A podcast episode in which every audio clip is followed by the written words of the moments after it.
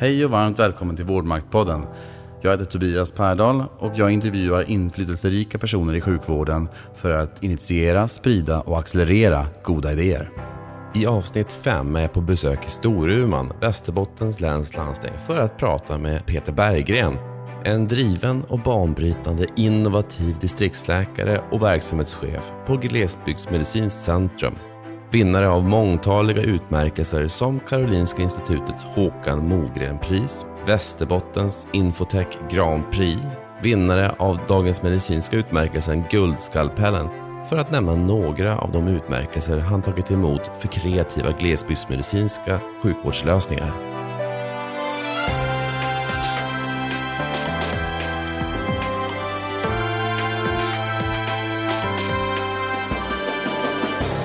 Idag talar vi om att vara vårdpersonal i en ort där alla känner alla. Om varför glesbygden har en VM eller OS-medaljör per 800 invånare. Om distansmedicinska lösningar med stora fördelar. Om hyrpersonal i vården och om vad vi kan lära oss av glesbygdsmedicinskt perspektiv. Ja, och mycket annat såklart. Otroligt roligt att få vara här idag i Storuman och eh, välkommen till dig Peter. Tack ska du ha, tackar. Peter, vill du berätta för mig och för lyssnarna, vad är Glesbygdsmedicinskt centrum för någonting? Glesbygdsmedicinskt centrum det är en forsknings och utvecklingsavdelning inom landstingets primärvård i Västerbottens län. Och vi jobbar då med lite olika övergripande FoU-områden. Vi jobbar med distansöverbryggande teknik som vi har gjort under många år. Vi jobbar också med samisk hälsa. Hur bygger man ett sjukvårdssystem för en ständigt migrerande befolkning med lite andra behov än vad vi andra har? Det jobbar vi mycket med. Sen jobbar vi mycket med rekryteringsarbeten och med utbildningsarbeten som är riktade mot glesbygdsmedicinska förhållanden kan man säga.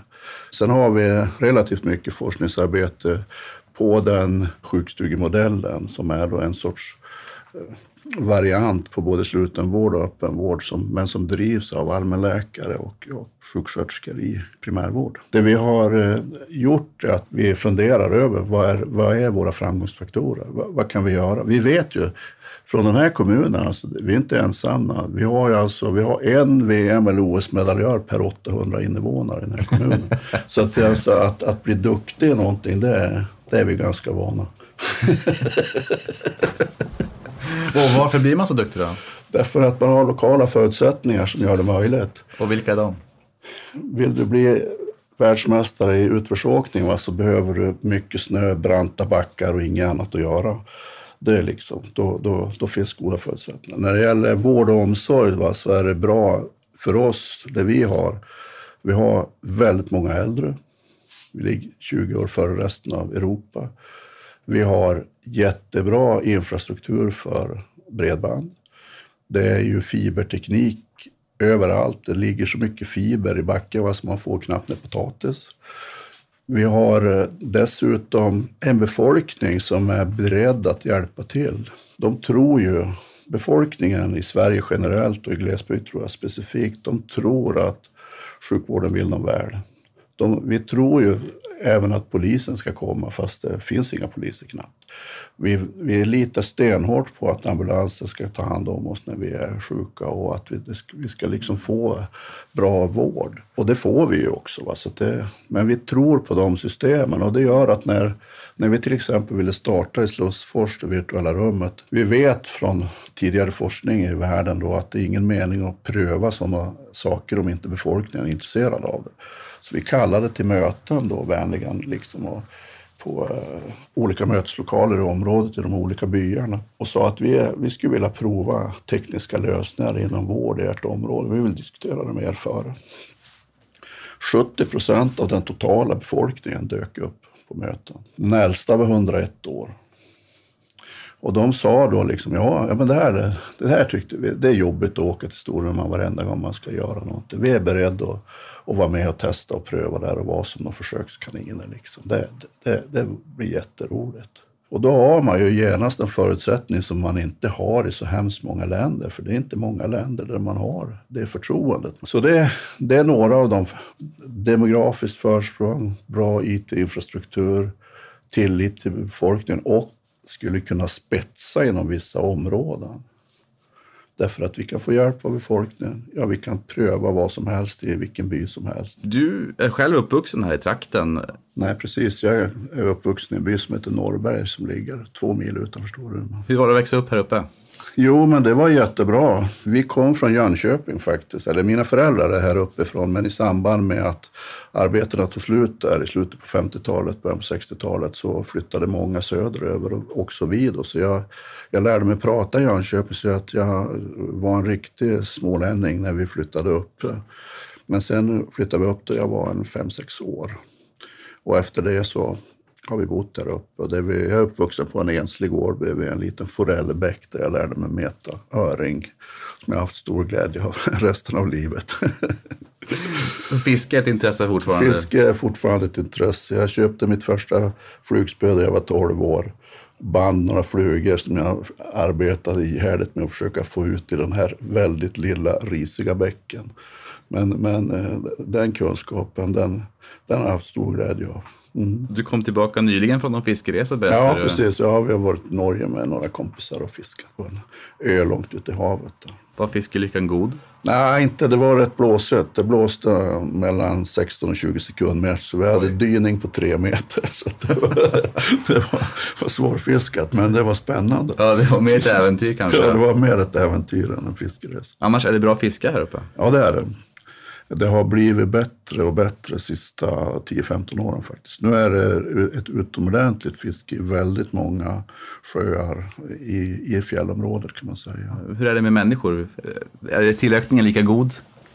Ja, där är det väl lite sämre då. Eller, befolkningsantalet minskar ju i glesbygdsområdet kan man säga mest beroende på att vi har så skev åldersfördelning. Det är ju väldigt många äldre, så det dör mer än det föds. Som säger så. Sen har vi ju då en utflyttning, men vi har också en inflyttning. Så att det varierar lite i olika kommuner. Men utflyttning och inflyttning brukar inte vara så stor diff.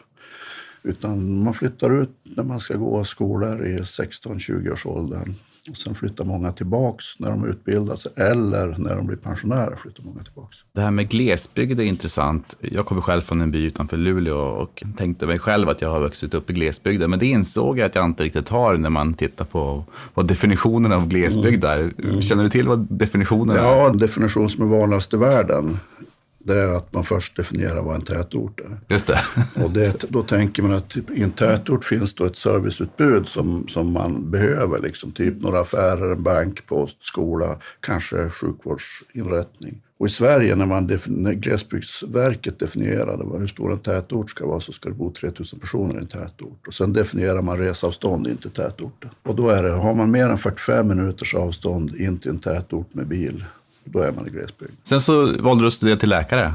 Ja, det var faktiskt relativt mycket slump. När jag skulle söka till gymnasiet, jag hade lite lust att bli journalist.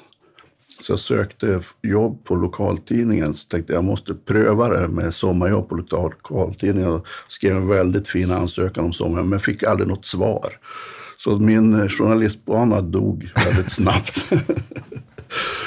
tänkte jag ska läsa vidare lite grann och tänkte bli fiskevårdskonsulent. Men man hade en utbildning till det i Göteborg då, så jag tänkte dit, det blir bra. Men jag behövde läsa in då lite naturämnen eh, för att komma in på den linjen, så då gjorde jag det på komvux här i Storuman. Men fick så himla bra betyg och jag hade en kompis som gick bredvid. Han skulle bli veterinär, hade han tänkt. Han fick också väldigt bra betyg. Så då började vi prata ihop, så men vi kanske ska tänka om. Vi, kanske, vi, vi kan ju söka på läkarlinjen och sen ser vi hur det går. Och så gjorde vi det, så kom vi in bägge två. Så vi gick, följdes genom den utbildningen och jag blev Storuman-doktor och han är i Lycksele, så han är Lycksele-doktor. Spontant, om man har vuxit upp på ett och samma ställe, ett, en mindre ort och eh, även ens fru, då känner man väldigt många. Är det en fördel eller en nackdel när man jobbar som distriktsläkare? Det är både och. Skillnaden med att vara läkare i glesbygd är att man bor med sina patienter. Man är ju inte anonym. Och är du allmänläkare i en större stad så har du ändå, när du går från jobbet så känner inte jättemånga igen dig och du kanske inte ens bor i närheten av dina patienter. Men här bor man med sina patienter och det är, det är både på gott och ont. Jag tror säkert att det finns patienter som undviker att gå till mig eftersom de tycker vi känner varandra för väl. Å andra sidan finns det nog ännu fler patienter som tycker det är ganska skönt att komma till mig eftersom vi ändå känner, vi vet varandras bakgrunder. Man behöver liksom inte dra det igen. Och själv kan jag tycka att eh, litenhetens fördelar, jag menar jag har ju väldigt lätt att få hjälp om jag har något strul med bilen och jag vet exakt vilken person jag ska vända mig till och hur jag ska lösa det. Och på samma vis är det ju för mig som läkare. De flesta människor har stor respekt också för att man inte vill bli störd på affären. Eller, alltså man, man blandar inte yrke och privatliv. Alltså, de flesta förstår den gränsen väldigt väl. De kommer inte fram och visar leverfläcken? Nej, de gör inte det ja. faktiskt. Det, det, är klart att det har hänt någon gång att någon har frågat något sådär. Det som däremot kan vara som jag har känt någon gång, det är ju att när jag har varit utarbetad, trött och slut och haft väldigt mycket patientkontakt under lång tid och man bara vill vara i fred och sen gå och handla på affären. Och sen, folk är ju trevliga, men jag är trött och slut och vill helst inte träffa någon överhuvudtaget. Då kan det vara lite jobbigt. Men det är ganska sällan. Hur uppstod Glesbygdsmedicinskt centrum? Jag jobb, var satt som chefläkare i landstinget en period. Vi, hade, vi har en chefläkargrupp som jobbar med patientsäkerhetsfrågor och jag var en av dem. Och då var vi kopplade till landstingets ledningsgrupp. Och sen skulle man i landstingets ledningsgrupp diskutera glesbygdsproblematiken. Och jag blev lite upprörd och undrade vilken, vilken glesbygdsproblematik? Vad är problemet med glesbygden? Jag sa vi har kanske det bästa sjukvårdssystemet i det här landet i våran glesbygd. Vad är det för problem med det? Och det var ju lite grann så att många i ledningsgruppen hade ju en väldigt diffus uppfattning om hur sjukvården var organiserad och bedrevs i glesbygden i, i, i länet. Alltså. Så då, men då tyckte de väl att jag var, jag var ju yngre då och eh, de tyckte väl att jag var lite kaxig. Så då eh, erbjöd de mig att berätta då om glesbygdssjukvården. Och då gjorde jag det. Jag drog lite paralleller med hur det ser ut i andra länder. Och man har planer i England och man har liksom funderar över hur man ska kunna organisera sin sjukvård efter den demografiförändring som vi är inne i i många länder och där vi redan har, ligger 20 år före för vi har, är redan i den demografin. Vad är det för demografi? Man har en 25-30 procent av befolkningen äldre än 65 år. Och där är vi redan. Och där förväntar man sig att vara om 20 år i England och, och södra Sverige och så vidare. Vi hanterar ju den verkligheten redan idag. Varför inte undersöka hur det går till? Hur kan vi göra det? Vi har ju inte mer resurser än någon annan. Hur kan vi klara av den demografin idag? Och kan vi förbättra den? Kan vi snygga till våra processer? Kan vi pimpa våra sjukstugor så att de fungerar ännu bättre? Jag läste ganska nyligen att um, man räknar, om man tittar på demografin i Sverige och bara projicerar den framåt så ser man att eh, 2000 2030 så kommer vi ha dubbelt så många människor som är över 85 mm. som idag. Ja. Vi som jobbar i sjukvården vi vet att det här är en ganska stor andel av de som vi tar hand om. Mm. Så är det. Men då tyckte vi att då kan man väl använda vår, den här glesbygdskohorten då som ett, ett testområde för att pröva olika utvecklingsmöjligheter för att se hur man på bästa sätt kan ta hand om den. Nu är vi ändå 19 anställda va, som jobbar med olika och, och vi har vi har ganska många tekniska ingenjörer, vi har kulturgeografer, vi har sjukvårdsfolk och vi har också ekonomer va? och sådana som sysslar med projekthantering. För de som sitter på andra delar av landet och knåpar på hur man ska få ihop pengar för att kunna mm. göra den här typen av, av resor, kanske man kan höra av sig till dig och få det kan lite man tips? Göra. Jajamän, det kan man göra. Vad är ett virtuellt hälsorum för någonting? Det hänger också ihop med den här demografiförändringen. Man är ju rädd va, i, i världen då för alla de här äldre, för de är, ju, de är lite sjukare och man vet inte hur man ska hantera det. Och då tänkte vi det vore intressant att veta hur mycket en normalt åldrad befolkning kan göra för att sköta sin egen hälsa så bra som möjligt om vi ger dem bäst tänkbara tekniska förutsättningar. Och då letade vi efter ett lämpligt provområde där vi hittade här mittemellan Storuman och Tärnaby som heter Slussfors, där det, där det är en väldigt åldrad befolkningsgrupp som idag inte har någon specifik sjukvårdsservice utan de måste ju åka in till hälsocentralen eller sjukstugorna när de behöver hjälp. Och de har ändå en 6-7 mil, va? så det, det, är en bit att åka för dem. Mm. Vi utrustar ett rum som är lättillgängligt öppet så ofta som möjligt. Och vi ut, har utrustat det med patientnära provtagningsteknik och videokonferenstekniker. Och sen eh, testar vi det och ser då hur pass mycket man klarar att göra själv helt enkelt. Mycket av den tekniska utrustningen som finns idag, den är ju designad för vårdpersonal. Så den är rätt svår att, att sköta själv, om vi säger provtagningsutrustningar av olika slag för att mäta blodvärde. Och blodsocker är ganska bra, det finns ju bra. Och inflammationsprover och sånt där, det, de är inte designade för vanliga människor. Så då har vi istället byggt ett system där vi kan få hjälp. Dels finns det några i befolkningen som har lärt sig, som kan hjälpa andra. Men sen så är det också så att eh, vi använder oss av en hemtjänstgrupp alltså, eh, som finns i området som kan vara i rummet och hjälpa till om det behövs. Däremot kan de ju ta blodtryck på sig själva och så där. Det klarar de allra, allra flesta. De kan koppla upp sig mot vårdgivare och så vidare. Det klarar de. Men eh, det krävs liksom en teknikutveckling om det ska vara lätt att göra saker sällan. De här finns idag? Vi har ett pilotrum, ett Slussfors. Vi kommer att sätta ut åtta rum till nu här. Vi har börjat kan man säga den processen.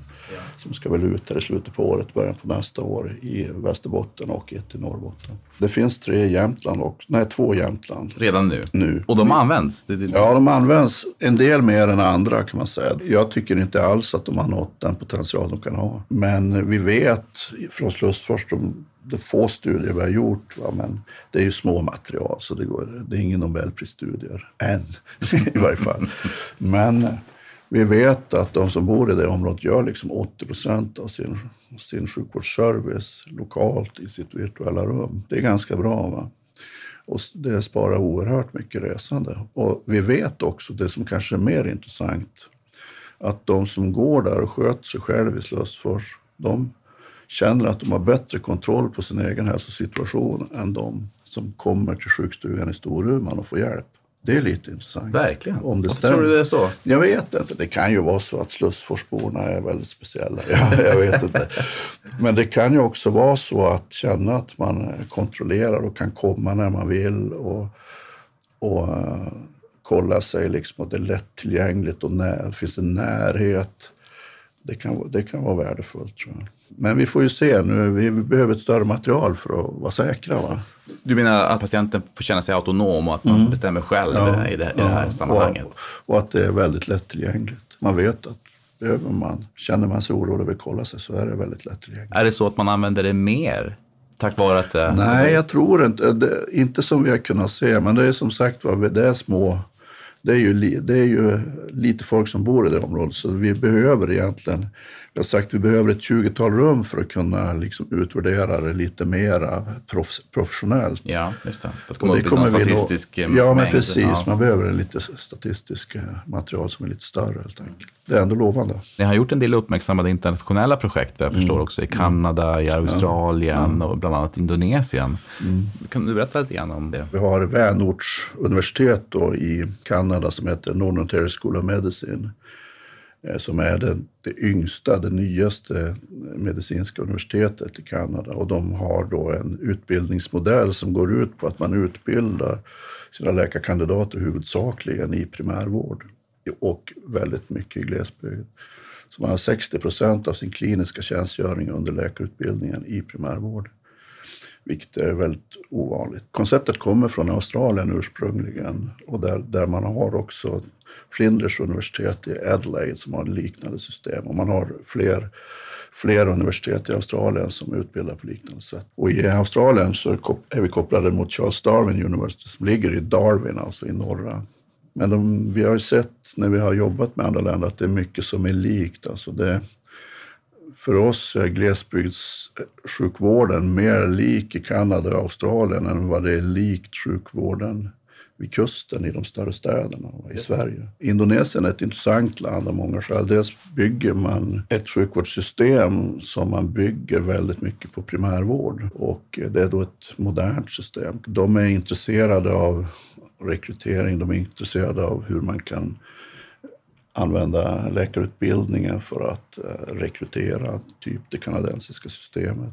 Man är också intresserad av den här teknikutvecklingen som vi har varit ganska duktiga på med distansteknik och de, är, de prövar det här konceptet med virtuella rum i sin kontext. Man har ju andra problem. Man har inte problem med en åldrad befolkning. Man har problem med hög mödra och barnadödlighet. Och vi har ju i Sverige relativt bra system för att upptäcka riskgraviditeter och så vidare. Och det, mycket av det man kan göra där kan man göra på distans. Och de har sin befolkning spridd på 12 000 öar eller något sånt där. Mm. Så att de har problem med, med tillgängligheten.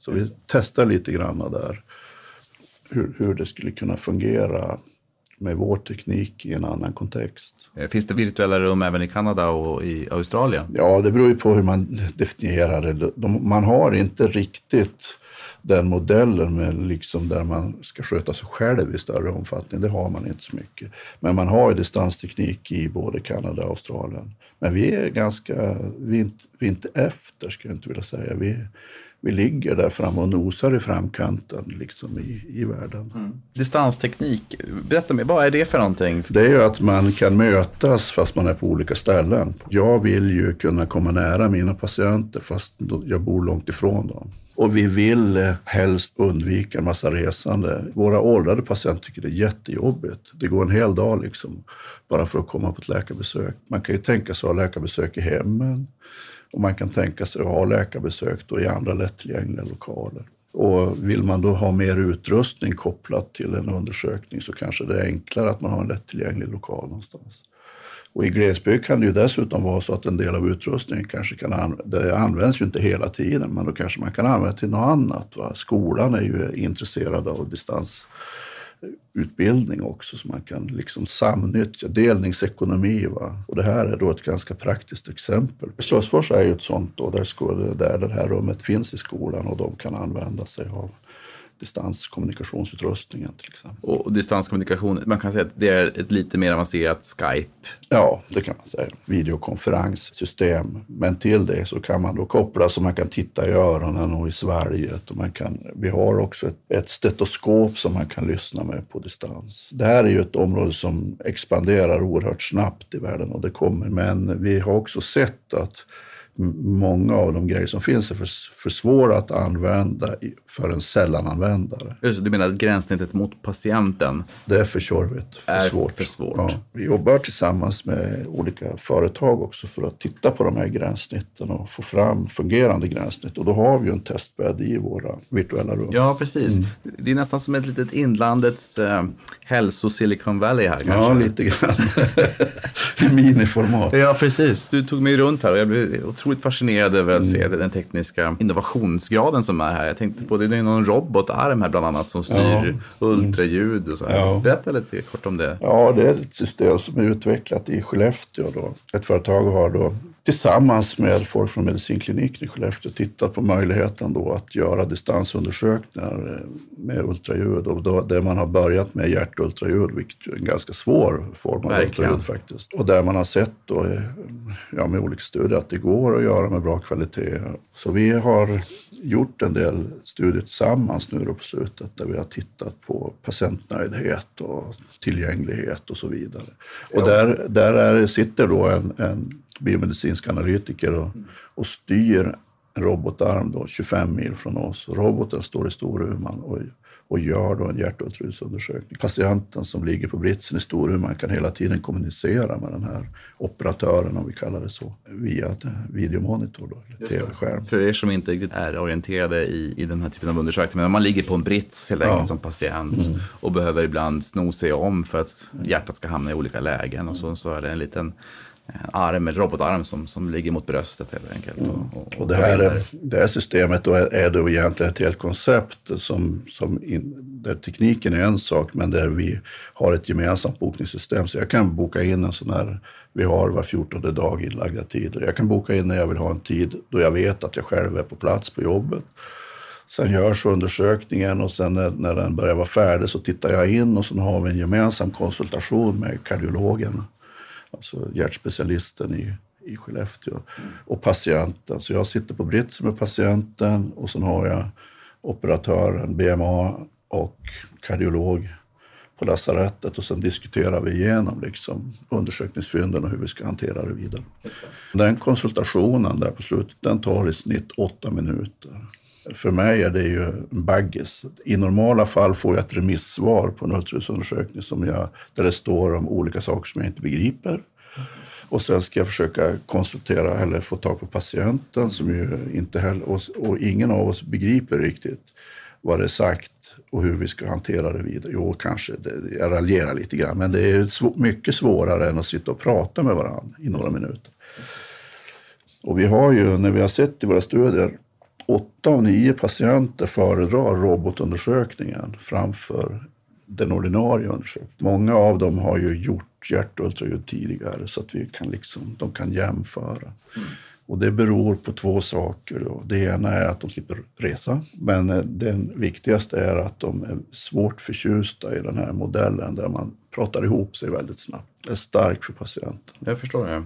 Och man ser att man är del i, i man dialogen. Del, ja, man, sitter, man, pratar, man pratar ihop sig helt enkelt. Vi läste nyligen att när man ska ta sig an en ny uppgift, som ett remissvar mm. till exempel, så tarvar det en kvart, 20 minuter att ta fram alla uppgifter i datorn mm. och sätta sig in i mm. fallet och sen ja. agera därefter. Så att, att de här åtta minuterna som du beskriver, det kanske föder lite mer arbete också än så, men, men, men, men det, det, det tarvar mycket energi den vardagliga hanteringen av, av vanliga svar. Det gör det, ja. Tekniken i sig är kanske inte det väsentliga, utan det väsentliga är många gånger processerna runt omkring tekniken. Hur man, när vi ska ha distanskonsultationer i Slussfors, ja, men patienten, det är svårt för patienten att hålla stetoskopet själv till exempel.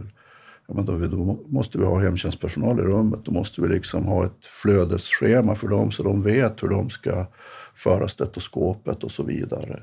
Eller om vi ska ha ett diabetesbesök, de kan förbereda det med att kolla känseln under fötterna och så vidare. Man får andra processer runt omkring besöken än vad vi har normalt. Det känns som att när det gäller distanstekniska lösningar kring vård så det finns det väldigt mycket underskattade vinster med att göra en distans, mm. Eh, mm. tekniska lösningar. Kompetenshöjningen man får mm. av att mm i större utsträckning kanske har kontakt med en, en annan nischad kompetens. Ja, jag vet, när vi, det var en av de första aha-upplevelserna tyckte jag när vi började. Det var ju 1995 någon gång som vi började med distanskoncentration. Och då, hade vi, då konsulterade vi hudkliniken i Umeå och öronkliniken i Umeå bland annat och visade trumhinnor och svalger och, så, och stämband och sånt. Men det vi ändå såg på en gång, det var två saker. Det ena var att vi lärde oss. Jag menar hud konsultationerna de försvann ju när det blev svårt att göra vettiga studier för vi behövde ju inte remittera folk när vi väl hade lärt oss. Både hud och öron. Det, och det, där är. Ja, det är, det är intressant. Det andra var att patienterna tyckte det var jättebra. Varför gör ni inte så här jämt? Varför ska vi sitta och åka för tio minuters besök liksom sjukhuset? Man har nästan 80 procent av befolkningen bor inom ett par mil från tätorten. Så där må det ju vara. Men vi har ju också patienter som har liksom en 8-10 mil enkel väg in till sjukvård och då blir det ju, är du då gammal och behöver mycket hjälp så blir det väldigt svårt att hantera det. Det är också svårt för kommunen att kunna erbjuda hemtjänstservice flera gånger per dygn för enstaka, patient, eller enstaka människor som, som bor långt ifrån. En del av dem tycker väl att det är okej, okay, de ska ändå in och handla och behöver, behöver inte tätort, men för många är det jobbigt.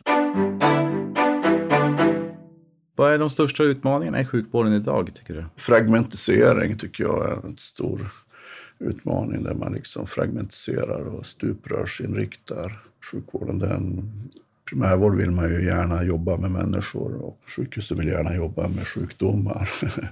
och man specialiserar sig på sjukdomarna. Men eh, det är svårt, åtminstone för äldre människor med många sjukdomar, är det svårt när, när vården är fragmentiserad. Du ska träffa specialist på det ena och det andra.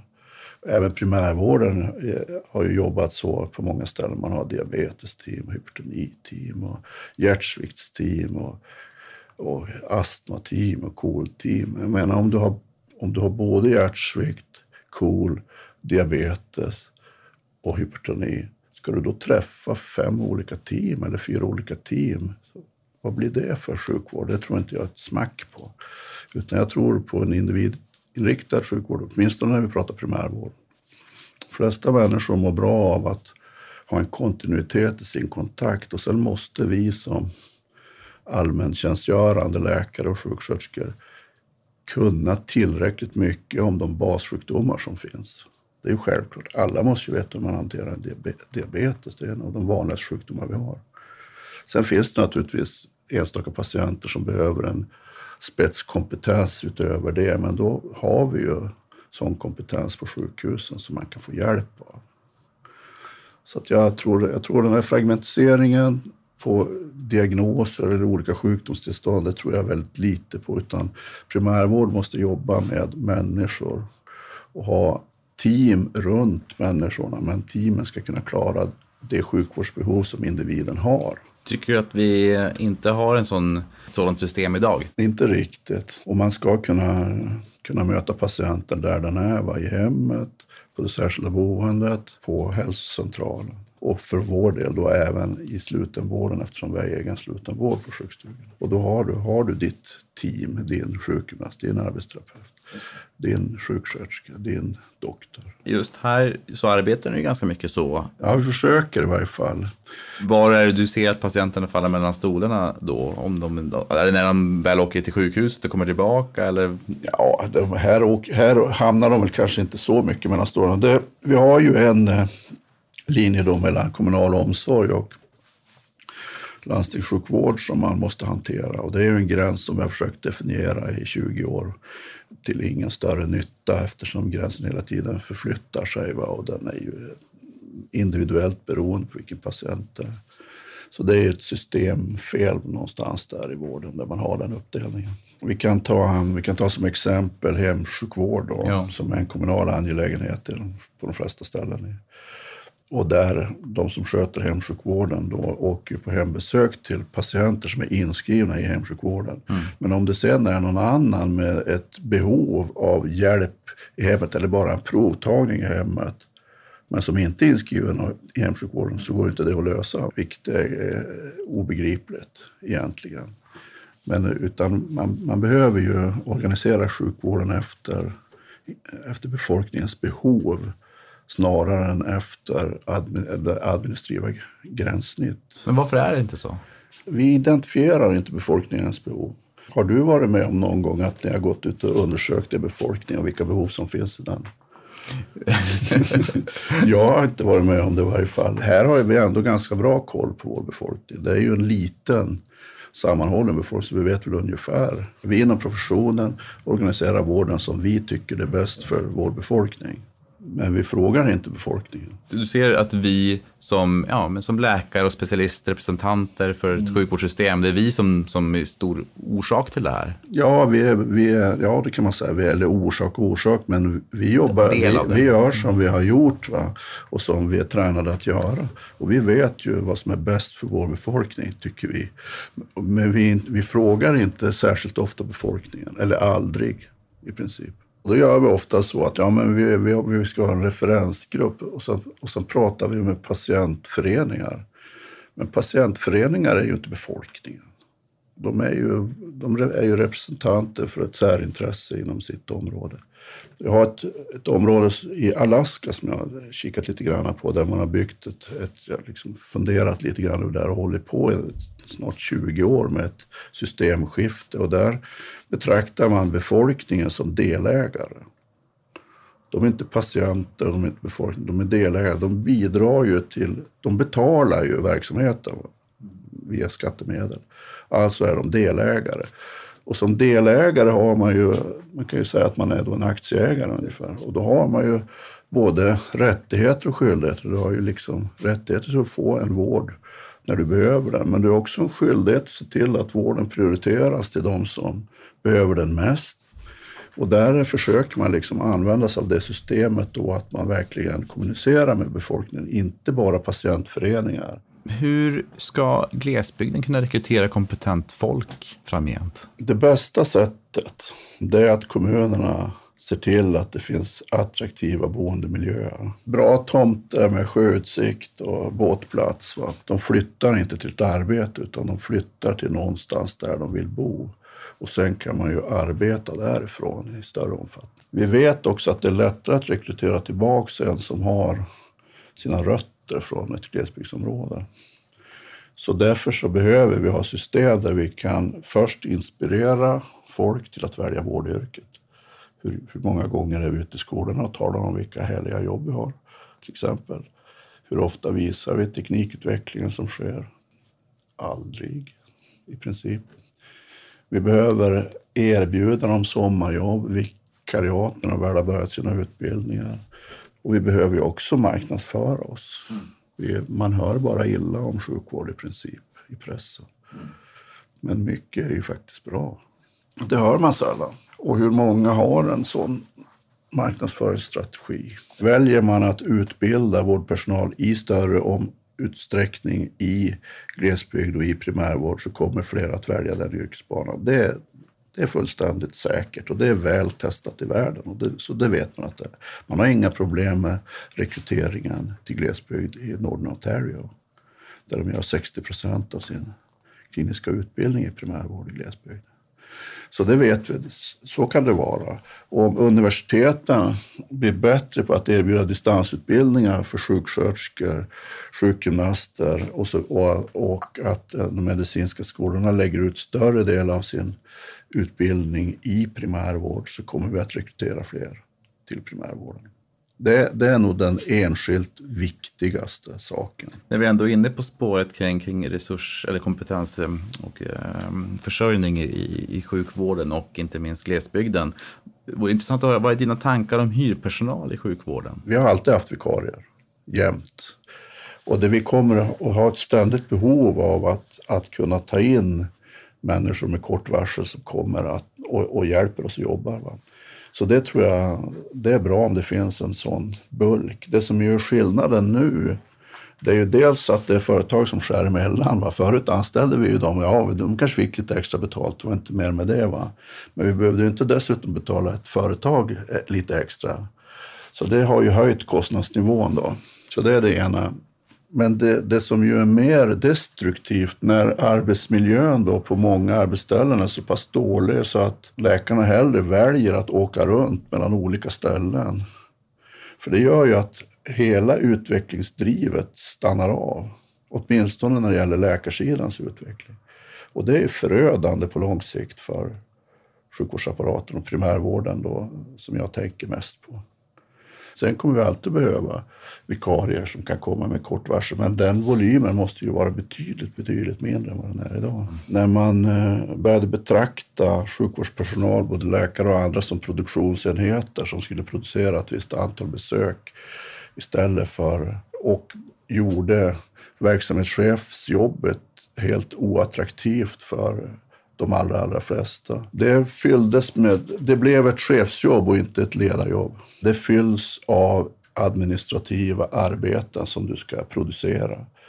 Och det gör att de flesta verksamhetschefer har inte möjlighet eller tid att överhuvudtaget fundera längre än till dagens produktion av liksom, eh, statistik och annat och ledarskapsarbetet, alltså titta ut vart ska vi, hur utvecklar vi vår verksamhet. Det är väldigt få som klarar det. Och man har tappat alla doktorer från chefsfunktionerna. Och det är, jag säger inte att alla doktorer är bra ledare, inte alls. Men någon doktor kunde väl vara bra att ha i någon ledningsfunktion. I Västerbotten tror jag inte vi har någon som är chef på en hälsocentral. Kanske en av 36. Här i Västerbotten så har vi ju nästan bara landstingsdrivna enheter. Eh, det finns några privata och det, det, vi vet ju efter Läkarförbundets undersökningar att folk trivs bäst på en lämpligt stor, liten, självdrivande enhet som då kan vara privat eller om man möjligen har en intraprenad som man har i vissa landsting där du kan, kan sköta dig privat inom landstingskoncernen om vi kallar det så. Och det tror jag, jag tror den möjligheten att styra sin egen verksamhet är oerhört viktig. Tittar vi som det har varit för oss, va, som en landstingsenhet inom landstinget, åtminstone inget ekonomiskt incitament att sköta sin verksamhet bra. För du får ju inte behålla något överskott. Går du med överskott så försvinner de pengarna. Och det gör ju det hela. Men ingen någorlunda normalt funtad person försöker generera ett överskott om du blir av med det. Och varför ska folk töja sig då? Man kan ju tänka sig att man kan töja sig för att vi vill investera i någonting nästa år eller vi, vi ska belöna vår personal med en bra kursresa eller någonting. Men det är ju omöjligt i det systemet. Och då är det svårt att få människor att töja sig. Så att man behöver ju liksom hitta andra lösningar och driftsformer i, inom landstingssystemen eller i det privata systemet. Det kräver ju en omfördelning av resurser som har varit väldigt svår att göra hittills. Du tänker fördelning från? Mellan eh, sjukhus och primärvård. Det kommer att vara det stora politiskt svåra problemet. Ni ligger ju väldigt mycket i framkant vad gäller distanstekniska lösningar och så. Vad, vad ser du själv om vi blickar framåt vad gäller innovationer och automatisering eller digitalisering av sjukvård. Mm. Vad kommer hända här på en femårssikt? Vi säger när det gäller distansteknikutvecklingen så har det ju hänt mer de sista tre åren än vad det har hänt 17 år före dess. Alltså. Du pratar om en exponentiell... Ja, i princip. Va? Vi har dels rena serviceföretag som erbjuder läkare och, och, andra tjänster på distans. Kommer också, tror jag, ha en hel del beslutssystem som gör det möjligt för människor att själv ta beslut större omfattning. Vi har ju redan idag KBT, liksom, du kan behandla dig själv. Vi kommer att ha fler sådana behandlingsmöjligheter. Till exempel bilddiagnostik, röntgenbilder det, det, kommer inte behövas många radiologer som granskar bilder eller patologer som granskar snitt av olika grejer. Det kommer att automatiseras i stor omfattning. Och det frigör ju resurser till annat naturligtvis. Kanske även annan bilddiagnostik på prickar av olika slag. Varför ska en hudläkare titta på det när vi kan ha en, en eh, dator som har ett referensbibliotek på flera miljoner prickar. Vi har redan idag möjlighet, menar man har ganska bra logaritmer som gör att du kan prata engelska och tyska översätts automatiskt i tal. Engelska och kinesiska översätts automatiskt i tal. Och det, på, på sikt så kommer vi att inte behöva tolkar, utan du kan prata direkt med andra människor. Hur ska de här organisationerna kunna implementera den här tekniska anstormningen av lösningar som ja. kommer? Och hur ser vi till att den här tekniska anstormningen också riktas till de som har störst behov och att man också bygger in grundförutsättningar i det som åtminstone i min värld patienterna uppskattar. Va? Kontinuitet till exempel. Jag tror att en del servicetjänster som finns då där man har erbjuder vem som helst liksom ett läkare, läkarkonsultation och så. Det passar ju sådana som du och jag kanske som är sjukt någon gång nu och då behöver snabbt få, mm. få ett recept. Men är det bra, blir det bra kvalitet? Blir det väldigt mycket antibiotika utskrivet? Eller hur? Man får följa det och se. Va? Det går säkert att få till, det tror jag. Det, det borde gå att få till. Och det fyller ett syfte och det screenar ju bort en mängd patienter från hälsocentralerna som inte behöver dit, eller från akutmottagningarna som inte behöver dit. Så det tror jag är den största vinsten med de systemen, för det gör ju då att, att man kanske har mer tid att ägna åt de mer resurskrävande patienterna. Och där tror jag att man behöver system där man kanske ses ibland i verkligheten, däremellan ser, ser man varandra virtuellt och att man på det sättet bygger relationer mellan vårdpersonal och patienter. De nuvarande systemen, alltså som komplement till den, till den nuvarande organisationen så är, kan det bli väldigt starkt och väldigt ja, bra det här. Ja. Om vi utmanas lite grann här i tanken av att det kräver investeringar. Det kostar en mm. hel del att, att, att köpa in den tekniken, att utbilda mm. folk i den här tekniken. Mm. Ja, alltså man pumpar in rätt mycket pengar. Nu har man ju hittills egentligen pumpat in mest pengar för teknikutveckling har man ju pumpat in på stora dyra strålkanoner och diverse va, för väldigt få patienter. Exakt. Medan eh, den här teknikutvecklingen vi beskriver nu, det är ju då förhållandevis billig teknik, men med stora volymer som ska nå ganska många människor. Och det är ju nytt för landstingen. Det, det har man ingen riktig kunskap om och man har egentligen, åtminstone som jag upplevde, väldigt lite eh, kunskap om hur man håller koll på vad som finns på marknaden. Hur prövar vi det på ett vettigt sätt för att se att det fungerar och hur implementerar vi det brett i organisationen så att vi får utfall av det. För det är klart, tittar vi på oss då som har stora resekostnader till exempel, eller eh, det är ett annat sätt är också att beskriva den samhällsekonomiska nyttan, men då, då saknar man ju system för att överföra resurser från den ena nyttan till den andra. Ja, precis. Eh, Som att eh, patienter som sjukskrivs kostar, sjukskrivs kostar ju massor av pengar, men det drabbar inte sjukvården. Eller om du, inte, om du måste vara hemma från jobbet en dag för att, för att sitta på akuten eller sitta på en hälsocentral och vänta för ett besök som du kunde klara på tio minuter på distans. Individen gör ju en vinst, men sjukvården måste göra en investering. Hur, Och företaget individen jobbar på går kanske förlust om stora intäktsströmmar Ja. i vissa fall. så att det, sådana saker är svåra att lösa. Där har jag, har jag ingen stor idé om hur man ska lösa det. Nej. Annat än att vi kan konstatera att just tiden är otroligt värdefull. Tiden är värdefull. Så att all form av tekniska lösningar som möjliggör en reduktion för patienterna eh, i tid eh, är av värde. Ja, så är det. Och vi tänker inte så mycket så, om vi ska vara krassa. Jo, vi tänker ju väldigt mycket på vår egen arbetstid, att den är ju väldigt värdefull. Men vi tänker inte så mycket på andras arbetstid och vilket värde den har. Några generella frågor som jag ställer till alla i podden är, vet du något om sjukvården som du tycker att andra verkligen borde känna till? ja, det finns förfärligt många duktiga människor inom sjukvården på olika nivåer. Inom landstingsorganisationens administration så finns det otroligt många kompetenta och duktiga människor. Mång, mycket mer kompetens än vad de flesta har en aning om. När blev du senast förvånad över någonting inom Jag sjukvården? minns när jag var ung doktor, så tyckte jag det var väldigt roligt att gå jour för man, man fick ju, det var ju nya saker hela tiden och man, man fick adrenalinpåslag så att man var ju hög som ett hus liksom i flera timmar efteråt för det var så spännande. Men jag blir fortfarande väldigt eh, glad när jag märker att saker och ting har fungerat riktigt bra. Alltså. Finns det någon sjukvårdsinnovation som du saknar eller och som du tänkt på, det här borde ju finnas alltså?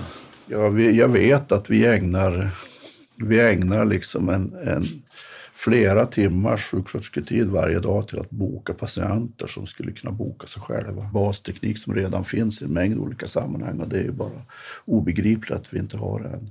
Och kanske är det så att man behöver, ja vi kan inte ha öppet till nio på kvällen överallt, men kanske en enhet är öppen till nio på kvällen och sköter hela området via distansteknik. Det fullt möjligt. Vem tycker du skulle vara, intressant att lyssna på i sån här podcast? Chefen för Northern School of Medicine, Roger Strasser, är alltså en världsartist inom sjukvårdsområdet med sitt sätt att utbilda där man säger att studenter ska utbildas i den eh, kulturella och sociala kontext där de förväntas verka.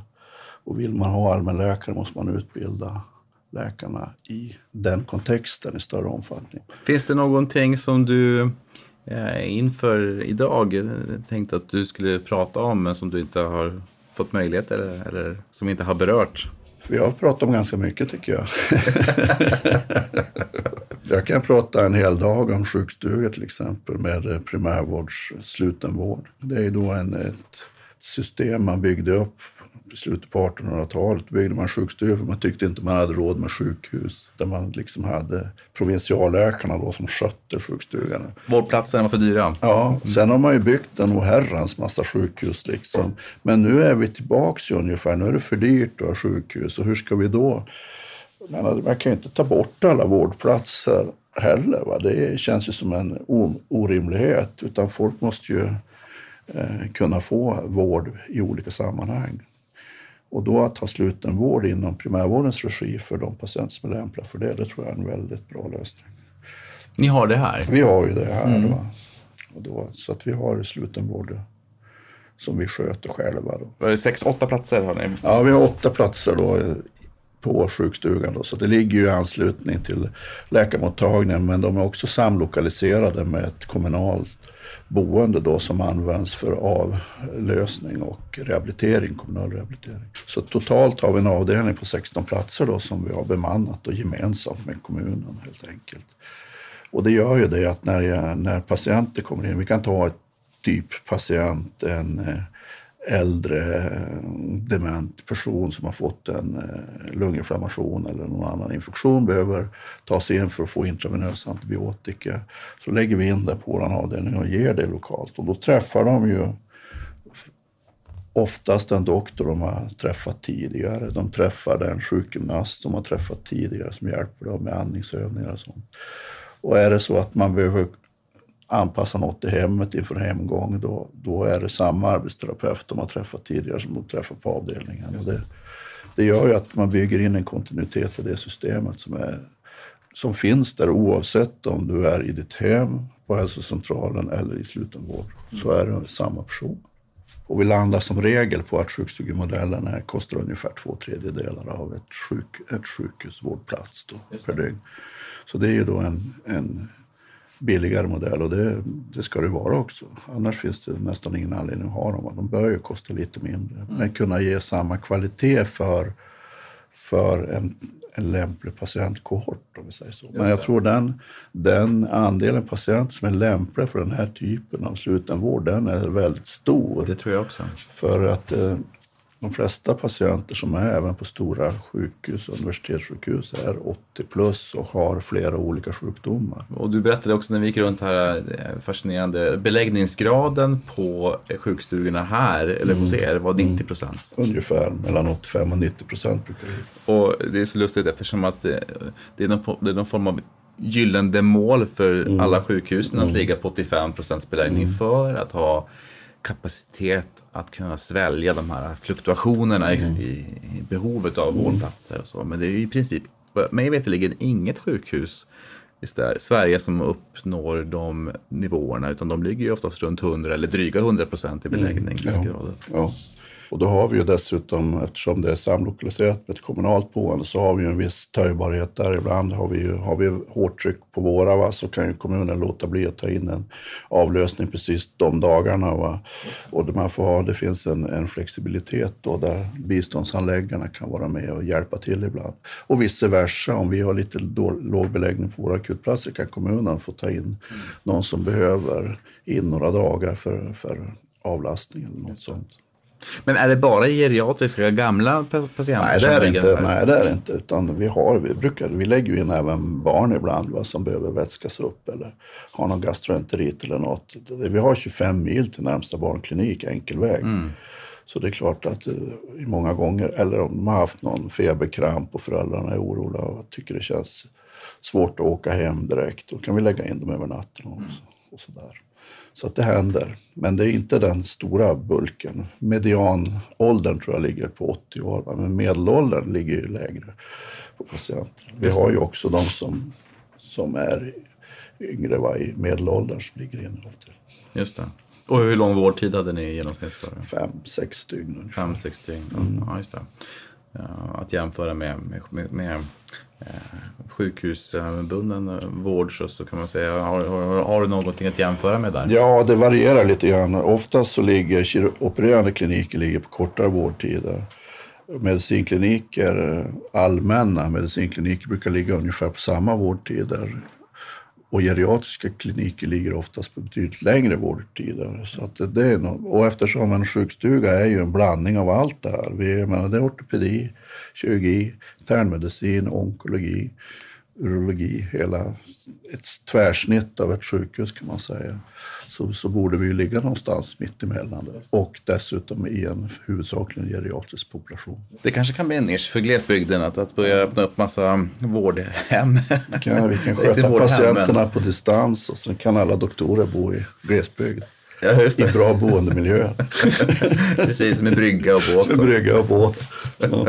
Och öring fulla sjön. Ja, härligt. Underbart.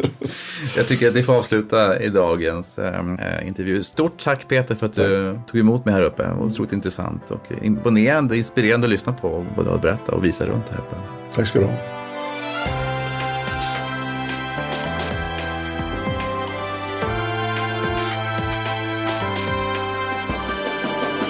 Jag hoppas du fick nya idéer genom samtalet med Peter Berggren. Dela gärna med dig om vad du tycker och tänker på Vårdmaktpoddens Facebook-sida. I nästa avsnitt så träffar jag serieentreprenören Johannes Schildt, grundare och VD för Kry. Jag hoppas du vill lyssna på oss. Det börjar med ett samtal Sen är det upp till dig och mig